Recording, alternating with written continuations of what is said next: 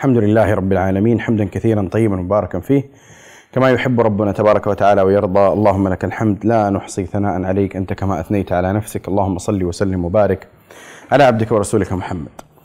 نستعين بالله ونستفتح اللقاء العاشر من لقاءات سلسلة بوصلة المصلح. وللتذكير فهذه السلسلة آه، آتية ضمن سياق طويل نوعا ما وهذا السياق هو في آه، التعرف على المنهج الإصلاحي الرباني المستمد من مرجعية الوحي. وهذا السياق أنا ذكرت في أول لقاء من هذه السلسلة ونحن الآن في اللقاء العاشر ذكرت أن أنني في السنتين الماضيتين حاولت الاعتناء بهذه القضية في مجموعة من الدروس والسلاسل ومجموعة من التتبعات لمرجعية الوحي فيما يخص الشأن الإصلاحي. فكان من ضمن هذه السلاسل سلسلة أنوار الأنبياء وفيها تتبع لمنهج الأنبياء والمرسلين في التعبد والإصلاح. وسلسلة أخص منها وهي سلسلة معالجة القرآن لنفوس المصلحين وهي في تتبع الآيات القرآنية التي يخاطب الله سبحانه وتعالى فيها أصحاب النبي صلى الله عليه وسلم فيما يتعلق بالأحداث التي كانت في وقت النبي صلى الله عليه وسلم فيما يتعلق بالغزوات بالأمور المختلفة والتي يبني الله فيها نفوسهم ويعالج فيها داخلهم في في طبيعة المواقف التي حصلت في الخارج. مثل ما حصل في غزوة أحد والمعالجة القرآنية في سورة آل عمران ومثل ما حصل في غزوة بدر والمعالجة القرآنية في سورة الأنفال ومثل ما حصل في تبوك والمعالجة القرآنية في سورة إيش؟ سورة إيش؟ تبوك توبة. سورة التوبة. ومثل ما حصل في حادثة الإفك والمعالجة القرآنية في سورة النور إلى آخره. والذي رأيته واضحا جليا من هذا التتبع القرآني أن الله سبحانه وتعالى يعتني بالبناء الداخلي للمصلحين أكثر من الاعتناء بالوسائل الخارجية التي يعني يشتغل بها المصلحون بل حتى في الموطن الذي حصل فيه نقاش حول هل كانت الوسيلة الخارجية هذه أنفع أم تلك؟ رجع القرآن بالقضية إلى الداخل. وذلك أنه في غزوة أحد حصل نقاش هل يكون القتال داخل المدينة أم خارج المدينة؟ أليس كذلك؟ وكان رأي النبي صلى الله عليه وسلم أن يكون القتال داخل المدينة. وكان من فاتهم الحضور يوم بدر وبعض الشباب له لديهم الحماسة في الخروج إلى خارج المدينة لكي يكون القتال مباشرا واشتباك مباشر. فنزل النبي صلى الله عليه وسلم إلى رأيهم. واستغل المنافقون هذا الأمر وقالوا لم ينزل على رأينا وكان رأيهم أيضا في الجلوس. وخرج خارج المدينة. ولو أطاعونا ها لو أطاعونا ما قتلوا. ما قتلوا. لاحظ مع ذلك القرآن لم تكن فيه لم يكن فيه تركيز على هذا الحدث ولا على أنه يعني كانت الوسيلة هذه أنفع أو تلك أنفع ولو عملتم كذا ولو كانت المعالجة القرآنية داخلية. واختصرت في آية في آية قلتم أن هذا قل هو من عند أنفسكم. ثم بعد ذلك جاءت هذه يعني خلينا نقول مجموع ما حصل هنا وأيضا في بعض الدروس والسلاسل الأخرى وبعض المواد التي قدمتها في هذا السياق اجتمعت الآن في هذا السياق أو في هذه السلسلة اللي هي بوصلة المصلح، أعدت ترتيب تلك المواد وأضفت عليها إضافات كثيرة بحيث إنه أين الطريق؟ أين الذي ينبغي أن يعمل اليوم من أصحاب الطاقات والقدرات والهم تجاه الإسلام والمسلمين؟ أين ما ينبغي أن تصرف فيه الأوقات؟ أين ما ينبغي أن تصرف فيه الطاقات؟ ونحن اليوم في اللقاء العاشر من هذه السلسلة والسلسلة تختلف عن السلاسل الأخرى بأن هذه السلسلة مكثفة. يعني المادة التي فيها مادة خام مادة مكثفة فتحتاج إلى يعني كل ما كل محاضرة منها تحتاج إلى قدر من يعني خلينا نقول النقاش والإثراء فيها.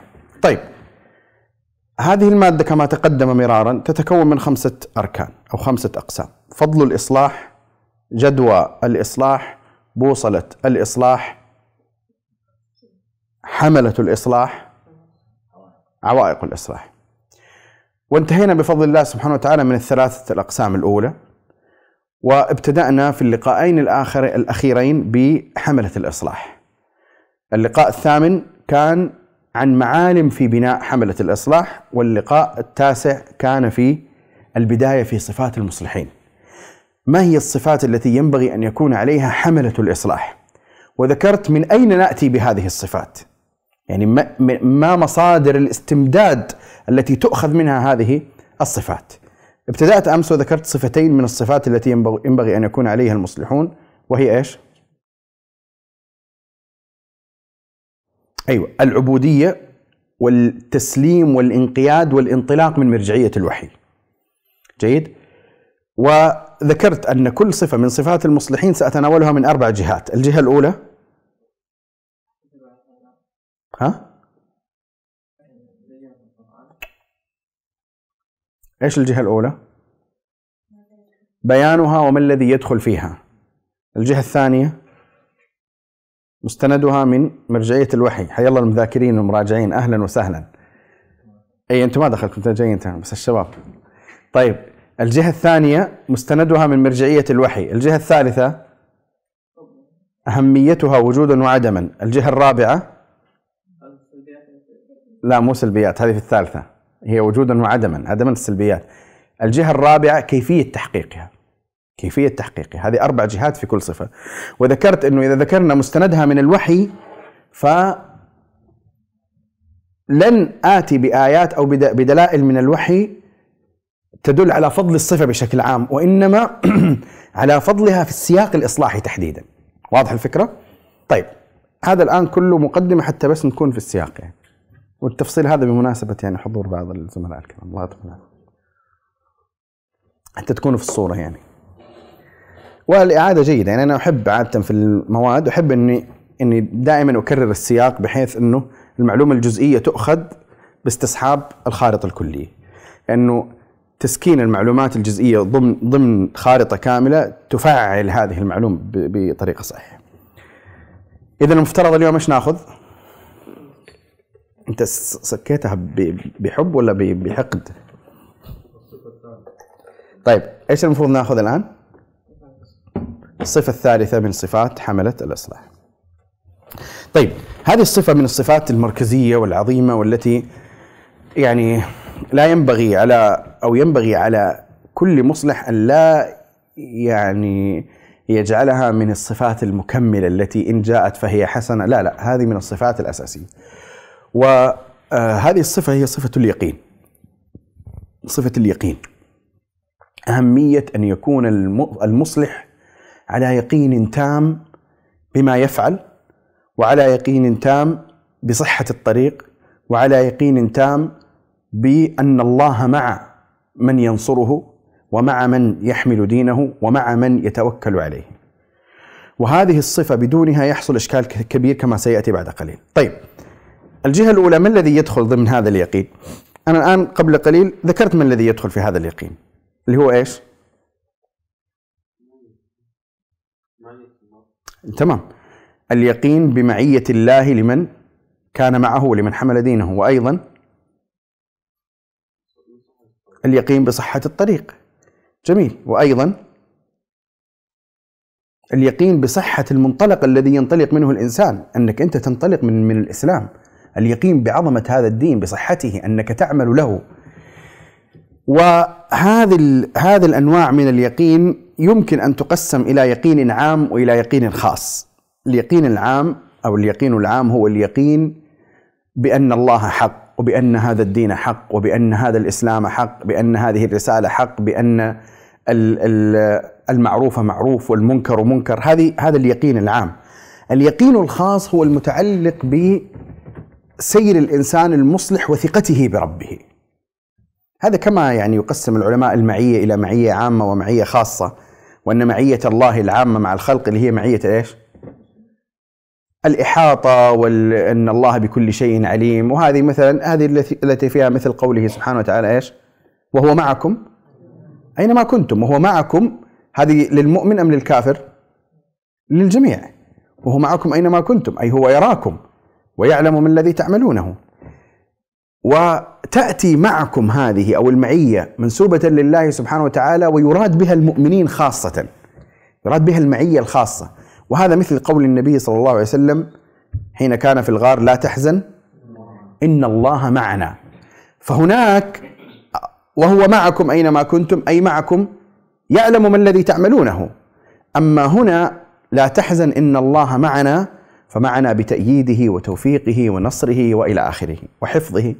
طيب الآن مثل ذلك في اليقين. في يقين عام عند يعني متعلق بالأساسات الكبرى للدين أن هذا الدين حق لازم يكون في يقين بهذه القضية. لكن المصلح يحتاج إلى درجة أعلى من اليقين وهي اليقين بأن الله مع من يحمل دينه. وأن غاية ما يرجوه الإنسان هو أن ينال شرف أن يحمل هذا الدين. فإذا حمله على سنن صحيحة أو على سمت صحيح فلا بد أن يوقن بأن الله مع من يحمل هذا. طبعا هذه المعية لا تعني ان أن الإنسان لا يخطئ ولا يقصر ولا إلى آخره لكن أتحدث في آه، الأصل بشكل عام. طيب الآن من أين نأتي بمستندات هذه الجهة الثانية الآن من مرجعية الوحي تدل على أهمية اليقين بالنسبة للإنسان المصلح.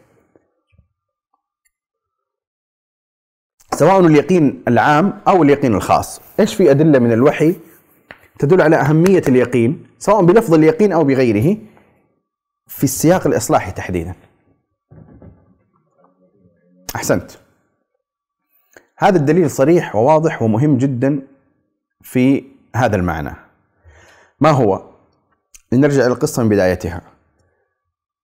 ألم تر إلى الملأ من بني إسرائيل من بعد موسى إذ قالوا لنبي لهم وبعث لنا ملكا نقاتل في سبيل الله؟ قال هل عسيتم إن كتب عليكم القتال ألا تقاتلوا؟ قالوا وما لنا ألا نقاتل في سبيل الله وقد أخرجنا من ديارنا وأبنائنا. فلما كتب عليهم القتال تولوا إلا قليلا منهم.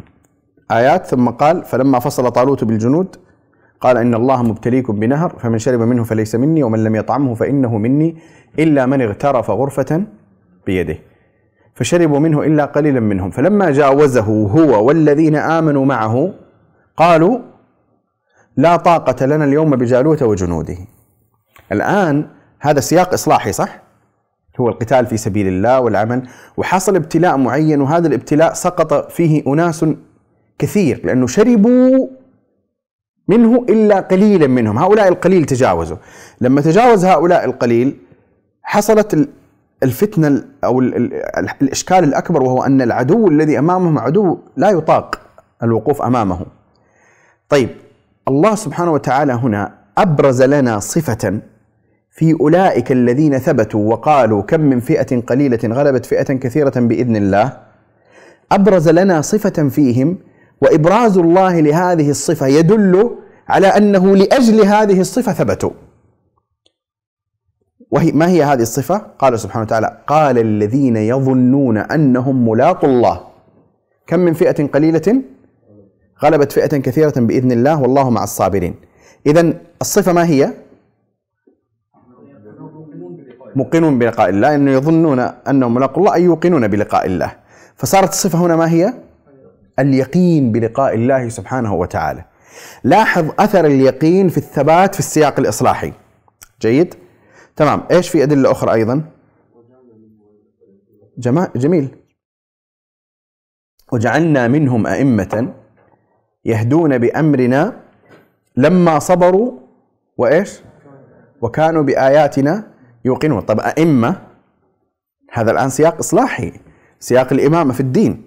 طيب ما ما الذي أوجب لهم هذه الإمامة في الدين؟ أمران الصبر واليقين. طيب آه، أيضا من الآيات التي ذكرتها في اللقاء السابق أن الله سبحانه وتعالى آه، كان يعني يسن في بداية دعوة بعض الأنبياء والرسل ما يزيد إيمانهم ويقينهم. وذلك مثل قوله سبحانه وتعالى في شأن إبراهيم عليه السلام وكذلك نري إبراهيم ملكوت السماوات والأرض وليكون من الموقنين. وكذلك في موسى عليه السلام لقد رأى من آيات ربه الكبرى قبل أن يرى فرعون تلك الآيات. وكذلك في شأن محمد صلى الله عليه وسلم لقد رأى من آيات ربه الكبرى صح؟ قد رأى من آيات ربه الكبرى في سورة النجم. ها؟ لقد رأى من آياتنا الكبرى. آياتنا وآيات ربه اشتبهت. طيب ما زاغ البصر وما طغى؟ ها؟ قد قد رأى من آيات ربه الكبرى. السلام عليكم حسن. قد رأى من آيات ربه الكبرى. تمام. طيب. آه إذا هذه أيضا من الأدلة التي تدل وتثبت معنى إيش؟ معنى اليقين بالنسبة للإنسان الذي سينطلق في رسالة عظيمة بالنسبة للإنسان المصلح. طيب هذه الجهة الثانية. الجهة الثالثة اللي هي إيش؟ الجهة الثالثة إيش؟ أهميتها أهمية هذه الصفة في السياق الإصلاحي وجودا وعدما. ما أهمية اليقين بالنسبة للإنسان المصلح؟ هناك جوانب كثيرة كاشفة عن أهمية اليقين بالنسبة للإنسان المصلح. من أهم ذلك أو من أهم الجوانب الكاشفة أن هذا اليقين هو من أعظم الأسباب التي تؤدي لإقبال المصلح وقت الإدبار. وثباته وقت الأزمات والشدائد الكبرى. شوفوا ما الذي يثبت الإنسان؟ الإنسان يثبت بأسباب متعددة أحيانا يثبت بأسباب خارجية. يعني وجود الناس من حولك ثابتين وجود الناس صابرين وجود القوة. وجود القوة. أحيانا الإنسان جبان ولكن لأنه في جيش كبير فهو سيثبت لأنه بمعية هذا الجيش. جيد؟ وأحيانا ليس بأنه معية هذا الجيش وإنما بمعية أبطال يعني وإن كانوا قلة تعرفون مثلا قصة عبد الرحمن بن عوف في بدر لما يعني ليس هو لأجل الثبات من عدمه ولكن الإنسان يحب أن يكون حوله أناس من الأشداء الذين لا يؤتى من قبلهم وذلك مثل في مثل لما قال عبد الرحمن بن عوف ماذا قال عبد الرحمن؟ تذكروا الحديث؟ عبد الرحمن بن عوف لما قال كنت وقف بجانبي معاذ اي كان معاذ ومعوذ وكانوا صغارا في السن فقال تمنيت أني بين أشد منهما. لأنه في القتال الإنسان يأتي يعني الجوانب عن اليمين عن الشمال قد تكون هناك ثغرة يدخل عليه من خلالها. الشاهد أن الإنسان يقوى قلبه في الشدائد وفي الأزمات بأسباب متعددة. أحيانا تكون من خارج الإنسان وأحيانا تكون من داخله. السبب الخارجي قد يزول في أي لحظة. تأتي أحيانا الإنسان أزمات لا يكون فيها معه أحد. وهناك مراحل في في خلينا نقول في السياقات الإصلاحية. السياقات الإصلاحية فيها مراحل. أول ما بدأ الإسلام بدأ الإسلام غريبا. لم يكن مع النبي صلى الله عليه وسلم فيه إلا القلة. وفي صحيح مسلم من حديث عمرو بن عبسة قال أتيت إلى مكة أسأل عن النبي صلى الله عليه وسلم وإذا به مستخفيا في مكة جراء عليه قومه. فلقيته فقلت له ما أنت؟ قال أنا نبي. قلت ما نبي؟ قال أرسلني الله. قال بما أرسلك؟ قال بكسر الأوثان و آه، صلة الأرحام وأن يوحد الله لا يشرك به شيء. قلت من معك على هذا؟ قال حر وعبد. ما في أحد. جيد؟ ففي مثل هذه الأوقات الذي يثبت الإنسان هو الأمور الداخلية وليست الخارجية. في مثل المرحلة التي نعيشها اليوم في في عمر الأمة الإسلامية وفي عمر العمل للإسلام في هذه المرحلة هذه المرحلة من أوجب ما ينبغي أن يبنى فيها في نفوس المصلحين اليقين لأنها مرحلة إدبار وليست مرحلة إقبال. ومرحلة انكسار وليست مرحلة ارتفاع. ومرحلة آه، بذل وليست مرحلة كسب وأخذ ثمرات. وبقدر ما في هذه المرحلة من الصعوبة كما كان في وقت النبي صلى الله عليه وسلم بقدر ما يزيد الثواب لمن يقبل في هذه المرحلة. حسنا ما الأمر الذي يمكن أن يجعل الإنسان مقبلا في مثل هذه الأوقات؟ هو اليقين. اليقين التام بأن الإنسان يعمل أفضل ما يمكن أن يعمل وأن هذا هو الحق. وأن هذا الذي ينبغي أن يضحى لأجله. وهذا الذي أبرزه الله في أصحاب طالوت حين قالوا كم من فئة قليلة غلبت فئة كثيرة بإذن الله وصفهم بأنهم إيش؟ يظنون أنهم ملاقوا الله فهم موقنون بهذا المعنى. طيب آه إيش في أيضا جوانب كاشفه عن أهمية هذا عن أهمية هذه الصفة؟ آه إيش؟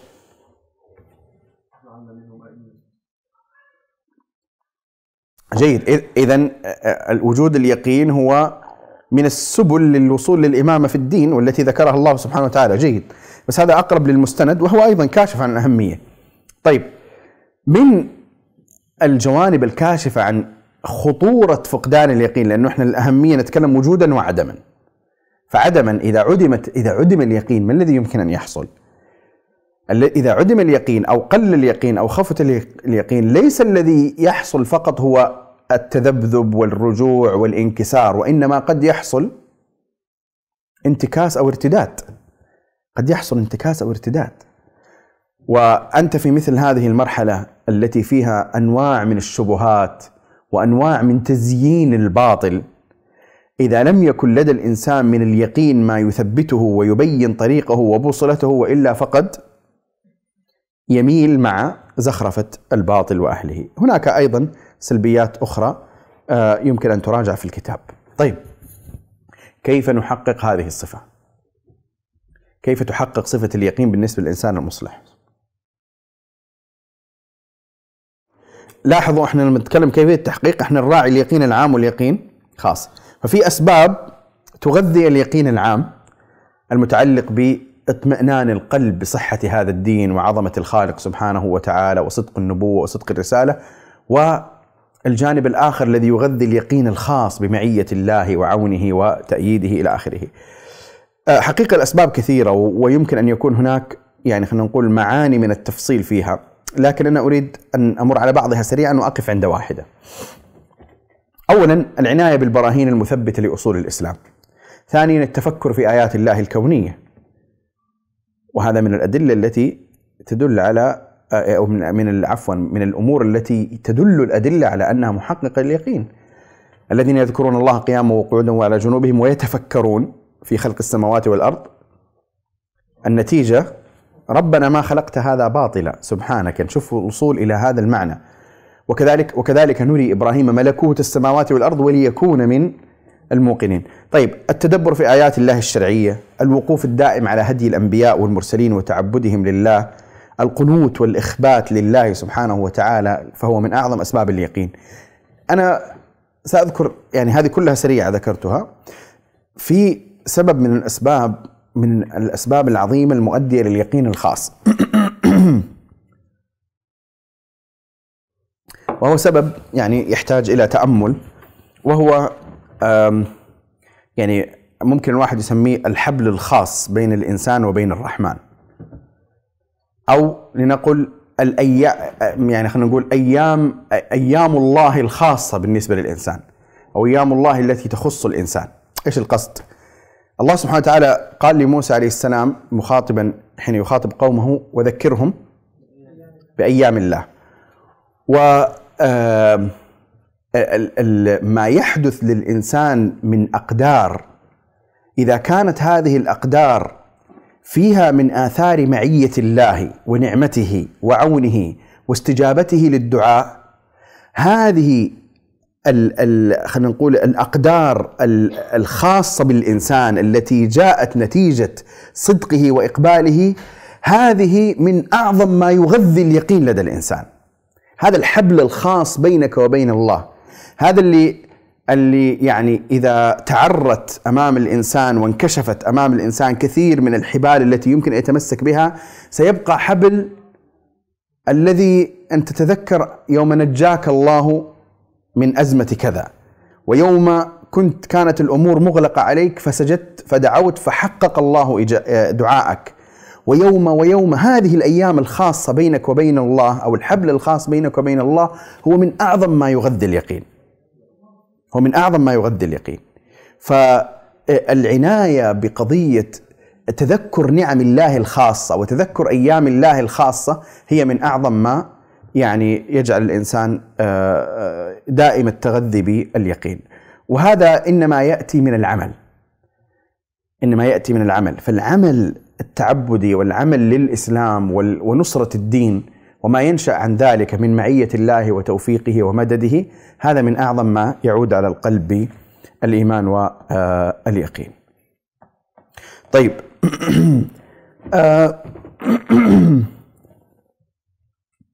قد يكون من الأمور التي يمكن الربط فيها بين هذا المعنى وبين دليل من كتاب الله يدل على هذا المعنى ليس دليلا مباشرا ولكن دليل للتأمل وهو آه، ما جاء في قول الله سبحانه وتعالى وما كان المؤمنون لينفروا كافة فلولا نفر من كل فرقة منهم طائفة ليتفقهوا في الدين ليتفقهوا في الدين ولينذروا قومهم إذا رجعوا إليهم أي الطائفتين هي التي تتفقه في الدين؟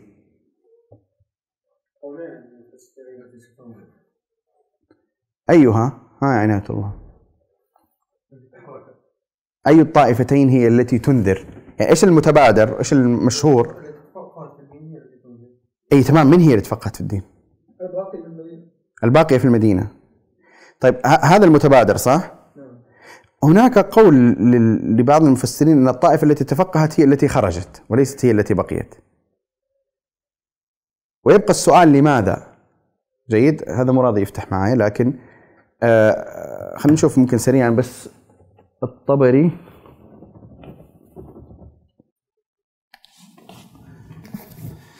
إمام المفسرين رحمه الله. هذا الإمام العجيب. خلينا نشوف آه سريعا.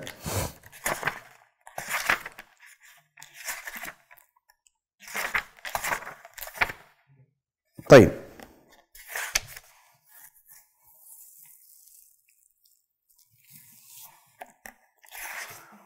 قال ابن جرير رحمه الله. ما شاء الله عليه. وقال آخرون وقال آخرون. طيب. يقول وأولى الأقوال في ذلك بالصواب. بعد ما ذكر الأقوال ها؟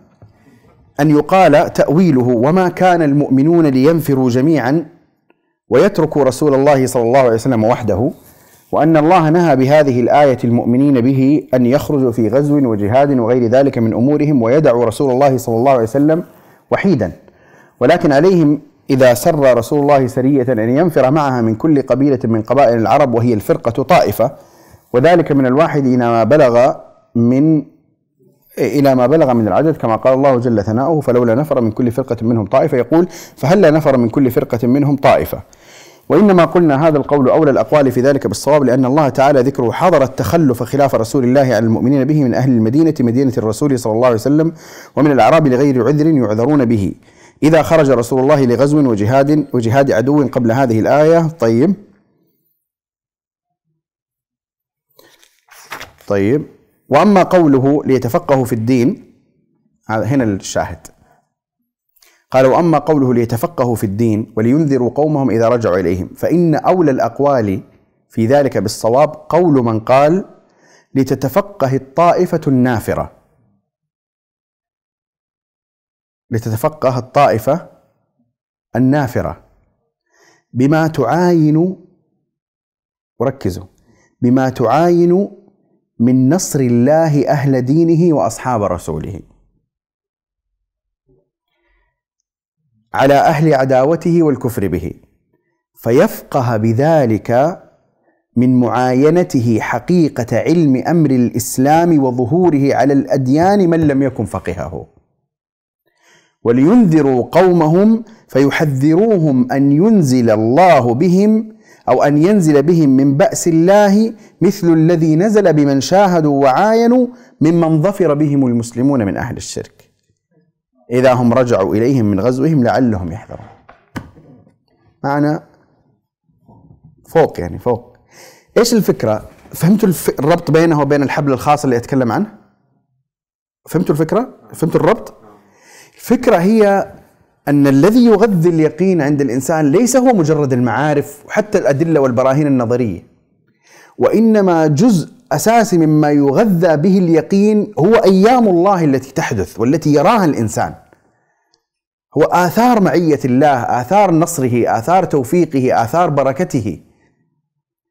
لأن ما يأتي على الإنسان من أنواع الإشكالات والشبهات وحتى ليس فقط الشبهات والإشكالات وإنما حتى ما يأتي على الإنسان من الضغوط من علو أعداء الله وبأسهم وكيدهم وكثرة الباطل وأهله كثرة ما يأتي على الإنسان أحيانا يزلزل ويزحزح موارد اليقين بالنسبة لديه.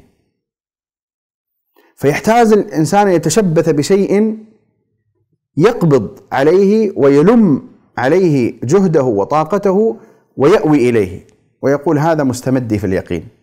ما هو هذا الشيء؟ أكثر من شيء لكن واحدة من الأمور التي لا تنسى بالنسبة للإنسان المؤمن والتي تظل من آخر الحبال المغذية له في اليقين والتي لا تتعرض للنحت مع الزمن هو الحبل الخاص بينك وبين الله. الحبل الخاص بينك وبين الله. ولذلك ما أكثر ما يلوم الله من ينسى. من ينسى نعمته. من ينسى سواء النسيان العام المتعلق بمسيرة الإنسان منذ أن ولد إلى أن كذا أو حتى بالمسيرة المتعلقة بالنعم التي أنعم الله بها على الإنسان اللي هي زائدة عن مجرد الخلق والتغذية والتربية العامة. فأما من ناحية العموم فهذا تكرر في القرآن. يقول الله سبحانه وتعالى: ويقول الإنسان أإذا ما مت لسوف أخرج حيا؟ هذا الآن الطاغية أو الطغيان الذي أتى، طب ما السبب في الآية التالية إيش؟ أولا يذكر الإنسان أنا خلقناه من قبل ولم يك شيئا طيب هذه في سورة إيش سورة إيش مريم في سورة ياسين أوضح من هذه وهي إيش؟ وضرب لنا مثلا وإيش؟ ونسي. ونسي خلقه. قال من يحيي العظام وهي رميم؟ قل يحييها الذي أنشأها أول مرة. يعني لو تذكرت أنت فتحت سجل الذاكرة عندك وتذكرت لما أنت لم تكن شيئا أصلا. بعدين كنت إنسان صغير ضعيف لا تقدر تاكل ولا تشرب ولا تعرف تتكلم ولا تعرف تقضي حاجتك ولا تسوي ولا أي شيء. مجرد تذكرك لهذه الأطوار التي مررت بها يجعلك تهدأ قليلا حين تطرح هذا السؤال وأنت من يحيي العظام وهي رميم بس يا شيخ طب مين اللي أحياك يعني؟ مين اللي أحياك كنت صغير؟ مين اللي نشأك؟ مين؟ من الذي من الذي أوجدك أصلا؟ وفي سورة الإنسان أيضا إيش؟ أول آية هل أتى على الإنسان حين من الدهر لم يكن شيئا مذكورا؟ إنا خلقنا الإنسان من نطفة أمشاج. طبعا هل أتى هذه تقريرية وليست؟ يعني. طيب. الشاهد أن من أعظم ما يغذي اليقين مما يحتاجه الإنسان المسلم هو تذكر أيام الله ونعمه الخاصة وحبله الخاص بينك وبين الإنسان. ومما يعني خلينا نقول أيضا يدل على هذا المعنى وإن كان حقيقة تعليق الطبري عجيب وفخم جدا في المعنى. الحمد لله إني تذكرت بس ما كان ما كان يعني مستعد له. لكن من الأدلة على ذلك أيضا آه، اللي هي دعاء زكريا. دعاء زكريا عليه السلام لما قال إني وهن العظم مني واشتعل الرأس شيبا شوف وإيش؟ ولم أكن بدعائك ربي شقيا هذا هذا الحبل الخاص بينه وبين الله أنه يا ربي أنا ما ما شقيت حين كنت أدعوك. فأنا الآن أدعوك دعاء جديدا وأنا أستحضر أنني لم أكن شقيا بدعائك السابق. واضح الفكرة؟ واضح؟ وكذلك قول إبراهيم عليه السلام سأستغفر لك ربي إنه كان بي حفيا. ناخذ الصفه الرابعه سريعا. من صفات المصلحين التي ينبغي عليهم أن يكونوا عليها صفة الصبر. وصفة الصبر أه، يعني صفة مركزية في السياق سياق حملة الإصلاح مركزية. إلى الآن ترى نحن في الصفات المركزية، إحنا أول صفة كانت العبودية، الصفة الثانية تسليم الانطلاق من مرجعية الوحي والاستمساك بها والتسليم لها والرد إليها. الصفة الثالثة اليقين، الصفه الرابعه الصبر. ترى إحنا عندنا في اللقاء تقريبا يعني في المادة في يمكن 17 أو 15 صفة صفات المصلحين. كلها بهذه الطريقة اللي هي بيانها مستندها من الوحي أهميتها وجودا أو عدما في السياق الإصلاحي كيفية تحقيقها. الصبر الآن سريعا. ما الذي يدخل في الصبر؟ حين نقول الصبر من صفات المصلحين. إيش الذي يدخل في الصبر فيما يتعلق بالسياق الإصلاحي؟ واحد الصبر على القيام بالدعوة وإقامة الحجة وإيصال الحق إلى الخلق وذلك بالمداومة والاستمرار وعدم التوقف عند استطالة الطريقة وقلة السالكين. يعني في نوع من أنواع الصبر الذي يحتاجه المصلح اللي هو ليس له علاقة الآن بالابتلاءات والأذى والشدائد والتعذيب لا لا الآن في صبر إنه ترى ترى فكرة أن تكون مبلغا للحق هذه تحتاج إلى صبر لا يقل عن الصبر الذي يتعرض له المصلح من جهة الأذى.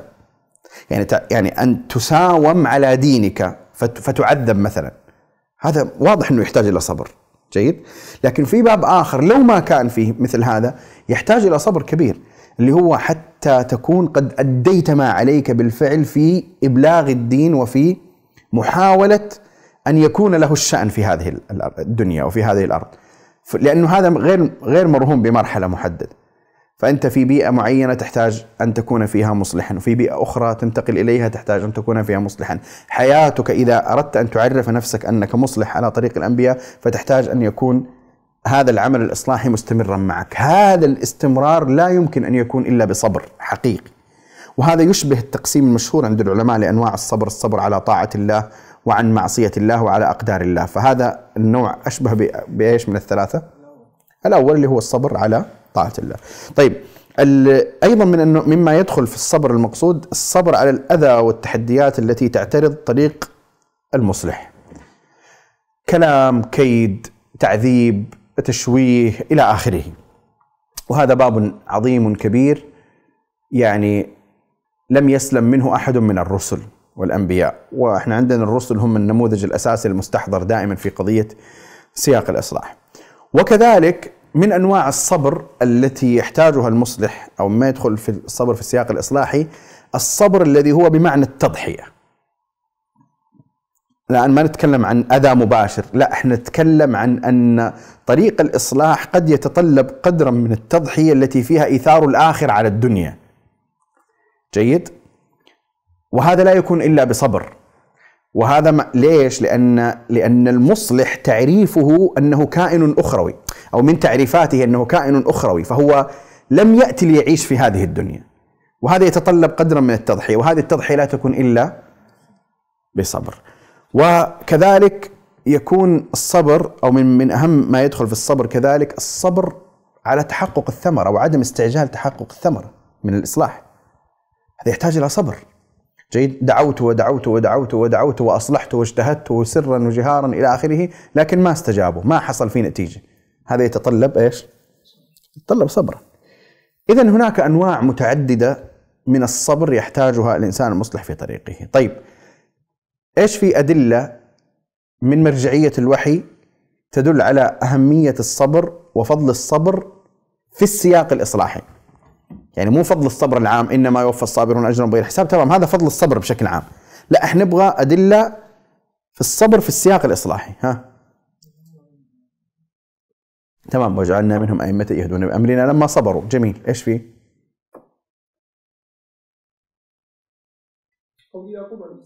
نعم إيش؟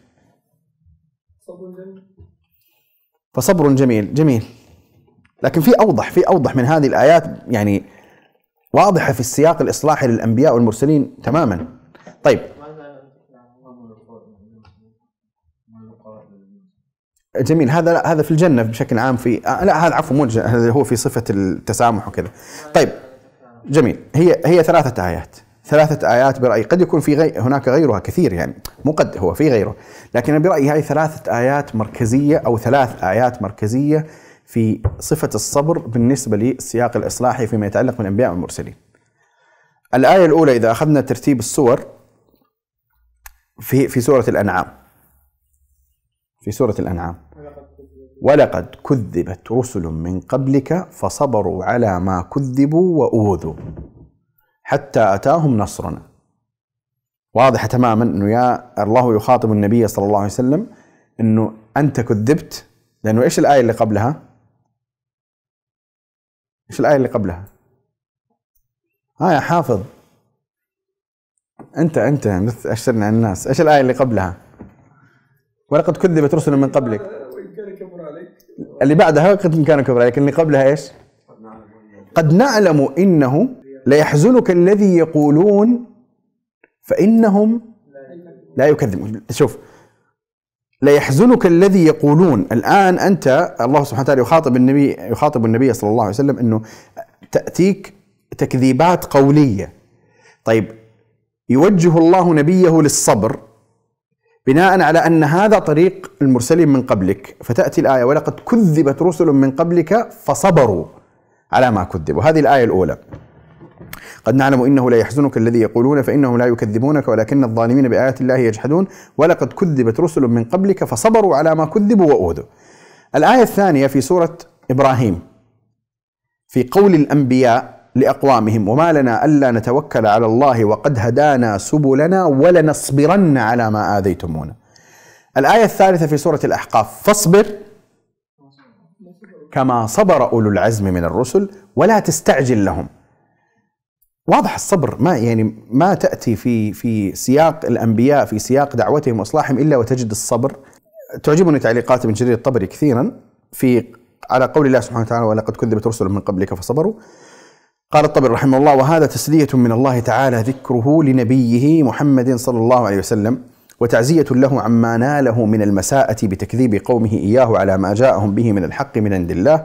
يقول تعالى ذكره إن يكذبك يا محمد هؤلاء المشركون من قومك فيجحدوا نبوتك وينكر آيات الله أنها من عنده فلا يحزنك ذلك. واصبر على تكذيبهم إياك وما تلقى منهم من المكروه في ذات الله. حتى يأتي نصر الله فقد كذبت رسل من قبلك أرسلتهم إلى أممهم فنالوهم بمكروه فصبروا على تكذيب قومهم إياهم. ولم يثنهم ذلك من المضي لأمر الله الذي أمرهم به من دعاء قومهم. إليهم حتى حكم الله بينهم وبينهم ولا مبدل لكلمات الله. يقول ولا مغير لكلمات الله. وكلماته تعالى ذكره ما أنزل الله إلى نبيه محمد صلى الله عليه وسلم من وعده إياه بالنصر على من خالفه وضاده والظفر على من تولى عنه وأدبر. ولقد جاءك من نبأ المرسلين يقول ولقد جاءك يا محمد من خبر من كان قبلك من الرسل وخبر أممهم وما صنعت بهم حين جحدوا آياتي وتمادوا في غيهم وضلالهم. يقول تعالى ذكره فانتظر أنت أيضا من النصر من النص من النصرة والظفر مثل الذي كان مني في من كان قبلك من الرسل إذ كذبهم قومهم واقتد بهم في صبرهم على ما لقوا من قومهم انتهى. كلام؟ يعني فيه من الجمال ما آه، هو من عادة ابن جرير الطبري رحمه الله وأنا حقيقة يعني عادة ما أكرر معنا أن كثير من آه، خلينا نقول كثير من الناس محرومين من تفسير الطبري. نظرا لأنه في أقوال وأسانيد وكذا لكن خلاصات كلام الطبري هذه خلاصات لذيذة جدا لذيذة وعالية ويعني سهلة وواضحة جدا قد يحول بين يعني خلينا نقول القارئ وبينها بعض الأسانيد والأقوال وكثرتها لكن إذا استطاع الإنسان استخلاص فهذا آه، جيد جدا. حقيقة هناك آيات كثيرة في هذا المعنى. حتى في الآيات اللي ذكرناها قبل قليل في صفة اليقين فيما يتعلق بطالوت وأصحابه كم من فئة قليله غلبت فئة كثيرة بإذن الله والله مع الصابرين. وكذلك لما ذكر الله سبحانه وتعالى آه، غزوة أحد في سورة آل عمران وأن وأشار إلى ما حصل في تذبذب بعض المؤمنين لما قيل إن محمدا قد مات فقال وما محمد إلا رسول قد خلت من قبل الرسل. ثم قال سبحانه وتعالى مثبتا الصحابة بأصحاب الأنبياء كما ثبت النبي بمن؟ بالأنبياء. كما أن الله في القرآن يثبت نبيه بالأنبياء فقد ثبت الله في هذه الآيات أصحاب نبيه بأصحاب الأنبياء. فقال وكأي من نبي قاتل معه ربيون كثير فما وهنوا لما أصابهم في سبيل الله وما ضعفوا وما استكانوا. أي أن الله يقول للصحابة فكونوا مثلهم ولا تضعفوا ولا تهنوا ولا تستكينوا. ليس كذلك؟ وكأي من نبي قاتل معه ربيون كثير فما وهنوا لما أصابهم في سبيل الله وما ضعفوا وما استكانوا. أكمل. الله يحب الصابرين.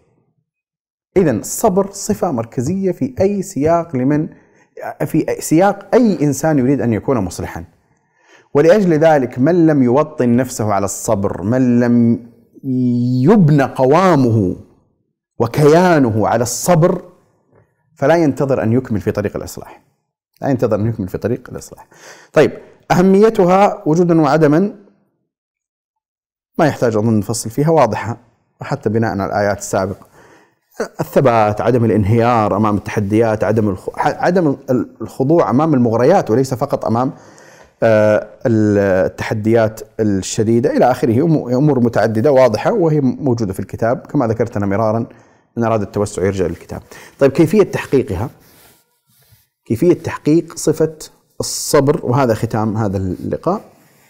طيب هناك أمور كثيرة ومتعددة. من ضمنها الاهتمام بهدي الأنبياء في القرآن والاقتداء بصبرهم في الدعوة والإصلاح. لماذا ذكرت هذا المعنى؟ ذكرت هذا المعنى لأنه هو من أعظم الوسائل التي ثبت الله بها المؤمنين. وهي من أعظم الوسائل التي يعني يستخرج الله بها صبر المؤمنين. وهذا ما جاء صريحا في قوله سبحانه وتعالى وكلا نقص عليك من أنباء الرسل ما نثبت به فؤادك. وقبل قليل قرأت وكأي من نبي قاتل معه ربيون كثير. إذا الاستنان بمن سبق والاقتداء بهم وهذا سيكون فرعا عن العناية بما جاء في أخبارهم وأهم مصدر في ذلك هو كتاب الله ثم سنة رسول الله صلى الله عليه وسلم ثم سير الصالحين والأئمة والعلماء وإلى آخره. وأن يستصحب الإنسان كل هذه المعاني الكبيرة لينزل به لينزلها على نفسه فتكون زادا من الزاد الذي يستعين به على الصبر.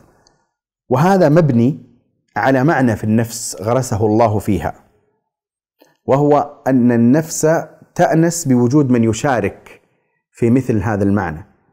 إن النفس تستوحش لما تكون وحدها. فإذا سرت في طريق لم يسر فيه أحد قبلك وتعرضت فيه لما لم يتعرض فيه أحد قبلك لمثل ما تعرضت فإمكان الصبر صعب جدا. لكن حين تسير في طريق نعم أنت لا ترى أحدا معك الآن ولكن أنت تتذكر ما الذي تعرض له النبي صلى الله عليه وسلم وما الذي تعرض له نوح وإبراهيم وموسى. وعيسى والأنبياء والمرسلين وأصحاب الأنبياء والمرسلين. وهذا الأسلوب كما استعمله الله سبحانه وتعالى في القرآن لتثبيت نبيه وتثبيت أصحاب نبيه صلى الله عليه وسلم. فقد استعمله النبي صلى الله عليه وسلم لتثبيت صحابته بطريقة واضحة تماما. لما جاء خباب ألا تدعو الله لنا؟ ألا تستنصر لنا؟ كيف ثبته؟ كيف ثبته؟ أيوة بوسيلتين. وسيلة الأخبار السابقة. لقد كان يؤتى بالرجل ممن كان قبلكم. لاحظ النبي صلى الله عليه وسلم يستعمل هذا الأسلوب. إذا هو من أعظم الأساليب لتثوير الصبر في نفس المؤمن. أصبر. والثاني إيش كان الأسلوب اللي استعمله؟ يعني هو الأساس هو هذا الأخبار السابقة. بس فتح الأمل في المستقبل. والله ليسيرن الراكب من صنعاء إلى حضرموت لا يخاف إلا الله وذم هذا يعني ما أضيق العيش لولا فسحة الأمل. جيد إنه إنه ترى أنتم الآن في مرحلة وأنتم الآن في ازمه والله ستأتي مرحلة أخرى. ستأتي مرحلة أخرى. اصبروا بس فقط اصبروا. فلما تعيش على استمداد الاستمداد ممن سبقك وثبت وكان أفضل منك في هذا الطريق وعلى برد البشائر المستقبلية وتجمع بينهما فهذا من أعظم ما ينمي الصبر في نفس المؤمن. من آه، يعني خلينا نقول مما يعين كذلك على الصبر اللي هو التصبر. التصبر. إيش الحديث يا يعني؟ من أخرجه؟ الشيخان البخاري ومسلم. ثبت عن النبي صلى الله عليه وسلم أنه قال ومن يتصبر يصبره الله. يتصبر يعني هي الفكرة يا جماعة الخير إحنا الحين كلنا الحين نتكلم عنه مفاهيم نظرية تمام؟ الصبر فض الصبر مكانة الصبر. في لحظة معينة اللي راح تسويه هو شيء اسمه التصبر. يعني ستأتي إلى لحظة الذي أمامك هو أمر مر في غاية المرارة والذي يجب عليك أن تفعله هو ان تأخذ هذه المرارة وتتجرع هذه المرارة ها؟ وتتصبر هكذا وتستمتع وأنت تذوق المرأة هذا لازم لازم مرحلة تمر بها. ما في. لأجل ذا يعني مما أريد أن أقوله حقيقة وهذا من أسباب انحراف البوصلة عند حتى بعض الفضلاء إنه هو يسير في طريق على أساس أنه طريق فاضل وصالح وهو يعرف نفسه أنه داع إلى الله وأنه من إلى آخره المصلحين. ولكن البوصلة عنده في الطريق كيف؟ أمشي أمشي أمشي على هذا الطريق الصحيح حيث وجد الخطر فهو دليل على الخطأ. انحرف عن هذا الخطر وابتعد عن هذا. طيب لماذا لا تمشي في هذا الطريق؟ والله سأتعرض لكلام. طيب ماشي. المؤمن لا يذل نفسه أليس كذلك؟ ولا يتعرض ويسأل الله العافية. طيب إذا لم يكن إلا هذا فهنا تأتي الإشكالات اللي هي أحيانا إلباس العجز جبة الحكمة. يقول لك من الحكمة كذا. لا. أحيانا يكون الذي يجب عليك أن تتجرع الصبر تجرعا وتتصبر وتعيش مرارة هذا الصبر. والنتيجة الحتمية لمن يحتسب ويصبر بمثل هذا الصبر ابتغاء ما عند الله النتيجة الحتمية هي أن الله ينزل عليه الصبر.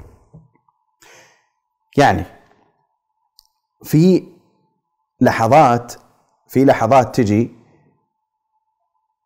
من مرارتها حتى ما يكون دعائك إنه يا رب صبرني ها؟ في في دعاء في الصبر. ترى ما يجي إلا في وقت أوقات الأزمات. تعرفوا شو هو؟ ربنا أفرغ علينا صبرا. هل هل تقول هل يعني جربت تقولها في مشكلة عادية بسيطة؟ ما. هذه تيجي لما إيش؟ خلاص اللهم أفرغ علي الصبر يا رب. يعني هذه يعني يا رب. خلاص أنا عجزت الآن. أنا الآن طاقتي البشرية لا أستطيع أن أن أصبر. يا رب أفرغ علي صبرا. أتصبر إلى هذه الدرجة. هنا يأتي التصبير الإلهي. ويا جماعة الخير مو يأتي الفرج بالضرورة يأتي التصبير. يعني لا ينتظر الإنسان دائما أنه إذا صبر سيأتي الفرج على طول. لا لينتظر إذا صبر أن ينزل التصبير. فهمت الفكرة؟ يعني الصبر مرحلة طويلة رحلة طويلة. من أعظم الثمرات التي تحصل للصابر أن يصبره الله. فالذي يحصل إنه الأزمة لا تزال مستمرة والمشكلة لا تزال مستمرة ولم تنتهي ولكن الفرق أنه كان سابقا يسير بمرحلة التصبر ثم سار بمرحلة التصبير الإلهي. فسابقا كان هو يتجرع مرارة الصبر كاسا على إثر كأس يذوق ويتجرع من مرارتها ثم صارت القضية أن البلاء كما هو ولكن لم يعد يتكلف هذا الصبر ولا يستجلبه من بواطن النفس وإنما الله يلهمه إياه ويصبره حتى تهون عليه هذه المصاعب والشدائد. والنتيجة التي تعقب هذه إيش هي تتوقع قبل الفرج؟ الرضا. ترى يصبره الله هذه يعني منزلة قبل يرضيه الله. جيد؟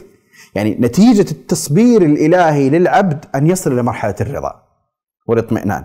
وهذه ثلاثة مراحل في حال المؤمن مع البلاء متتالية. تبدأ بالتصبر وتمر بالتصبير ثم تنتهي بالرضا. ولكن الرضا لا يأتي رقم واحد. الرضا ترى هذه أحيانا يعني الإنسان يحس بنفسه هو راضي إنه يعني في مصيبة صغيرة معينة. فيقول لك الحمد لله أنا راض بقضاء الله وقدره ممتاز. وإن شاء الله الله يؤجرك على هذا. بس ترى ما جيت لل ما جيت للحق. يعني ما جيت للميادين وللمواطن وللابتلاءات اللي من جد تقول يلا بسم الله فين الرضا؟ فاهم الفكرة؟ يعني تعرف أحيانا واحد يعني يسرق له جوال مثلا. إنا لله وإنا إليه صعبة هي تمام؟ بس إنا لله وإنا إليه راجعون. الحمد لله على كل حال. اللهم إني راض بقضائك وقدرك تمام؟ وفي ناس يسقطوا حتى عند هذه. في ناس اللهم أفرغ علينا صبرا وفي في ناس حتى مو اللهم أفرغ علينا صبرا. يعني في ناس إنه آه، أنا أصلا ما أدري إيش وإيش اللي خلاني أجي هنا وإيش اللي خلى اللي ما أدري إيش يصير؟ فاهم الفكرة؟ طيب. بس هذا ميدان ترى صغير جوال وما جوال وشغلات تمام؟ في شغلات أكبر من كذا. في ناس تفقد خمسة من عائلتها في حادث سيارة. لحظة. إيش الفارق الرهيب بين بين نوعين من الابتلاء؟ أنت يعني في لحظة تستيقظ إخوانك أمك أبوك ما في. إيش إيش هذا النوع من البلاء؟ البلاء الصعب الشديد جدا. جيد؟ طيب شيء آخر. تعرض لابتلاء من أعداء الله سبحانه وتعالى تعذيب استهزاء سجن ايا كان. أحيانا تطول المدة. طيب إيش يحتاج الإنسان هنا في هذا في هذا من التصبر والتصبير إلى آخره؟ في في المي... القضايا والميادين ليست سهلة. يعني الإنسان أحيانا يظن نفسه أنه تعرض لمصاعب وصبر ورضي ويكون ربما قد ابتلاه الله على قدر دينه. تعرف أي الناس أشد بلاء؟ قال الأنبياء اي ثم قال النبي صلى الله عليه وسلم يبتلى المرء على قدر دينه فإن كان في دينه شدة أو فإن كان دينه صلبا في بعض الروايات زيد في بلائه. زيد في بلائه. جيد فالإنسان على قدر الابتلاء. لكن المقامات إحنا نتكلم عن مقامات المصلحين أتباع الأنبياء حملة الدين الذين يريدون أن يعيدوا للإسلام مكانته وأن يعيشوا لأجل هذا الدين حقا. هذا كمية الصبر بالنسبة لهم لابد أن تكون. كبيرة جدا وواسعة جدا. ولا ينتظروا لا ينتظروا في يوم من الأيام أن يتخلوا عن الصبر. حتى لو جاءت الثمرات والنتائج فسيظل الصبر محتاجا إليه لأن النتيجة النهائية في الجنة ها يختصر الله حياة المؤمن. أنت عشت 60 سنة 70 سنة ها أنواع من الطاعات وأنواع من الابتلاءات و يختصر الله مسيرة المؤمن هذه الطويلة في كلمة الصبر. فيها الايه التي ذكرتها اللي هي إيش؟ لا. لا لا عفوا صح. مو مو هي الآية لا. اللي هي في تقريبا أربع آيات في القرآن في نفس المعنى. أولئك يجزون الغرفة وجزاهم بما صبروا جنة وحريرا. وكذلك إني جزيتهم اليوم بما صبروا أنهم هم الفائزون. وكذلك في سورة الرعد دخول الملائكة على أهل المؤمنين سلام عليكم بما صبرتم. هل تتوقع أن هذه الآيات نازلة في الذين تعرضوا لشدائد خاصة وأمراض خاصة في ال... ولا المؤمنين عموما؟ المؤمنين عموما لأن نتكلم الملائكة يدخلون أهل الجنة فيقول سلام عليكم بما صبرتم. لاحظ سلام عليكم بما صبرتم. صبرتم هذه إيش هي؟ كل حياة المؤمن. كل حياة المؤمن. سلام عليكم بما صبرتم. طيب نسأل الله سبحانه وتعالى أن يجعلنا من الصابرين وأن يلهمنا رشدنا وأن يغفر لنا ويرحمنا وأن لا يكلنا إلى أنفسنا طرفة عين. اللهم إنا نسألك من فضلك العظيم وأن تغفر لنا وترحمنا ونسألك أن تهدينا وتسددنا. اللهم صل وسلم وبارك على عبدك ورسولك محمد.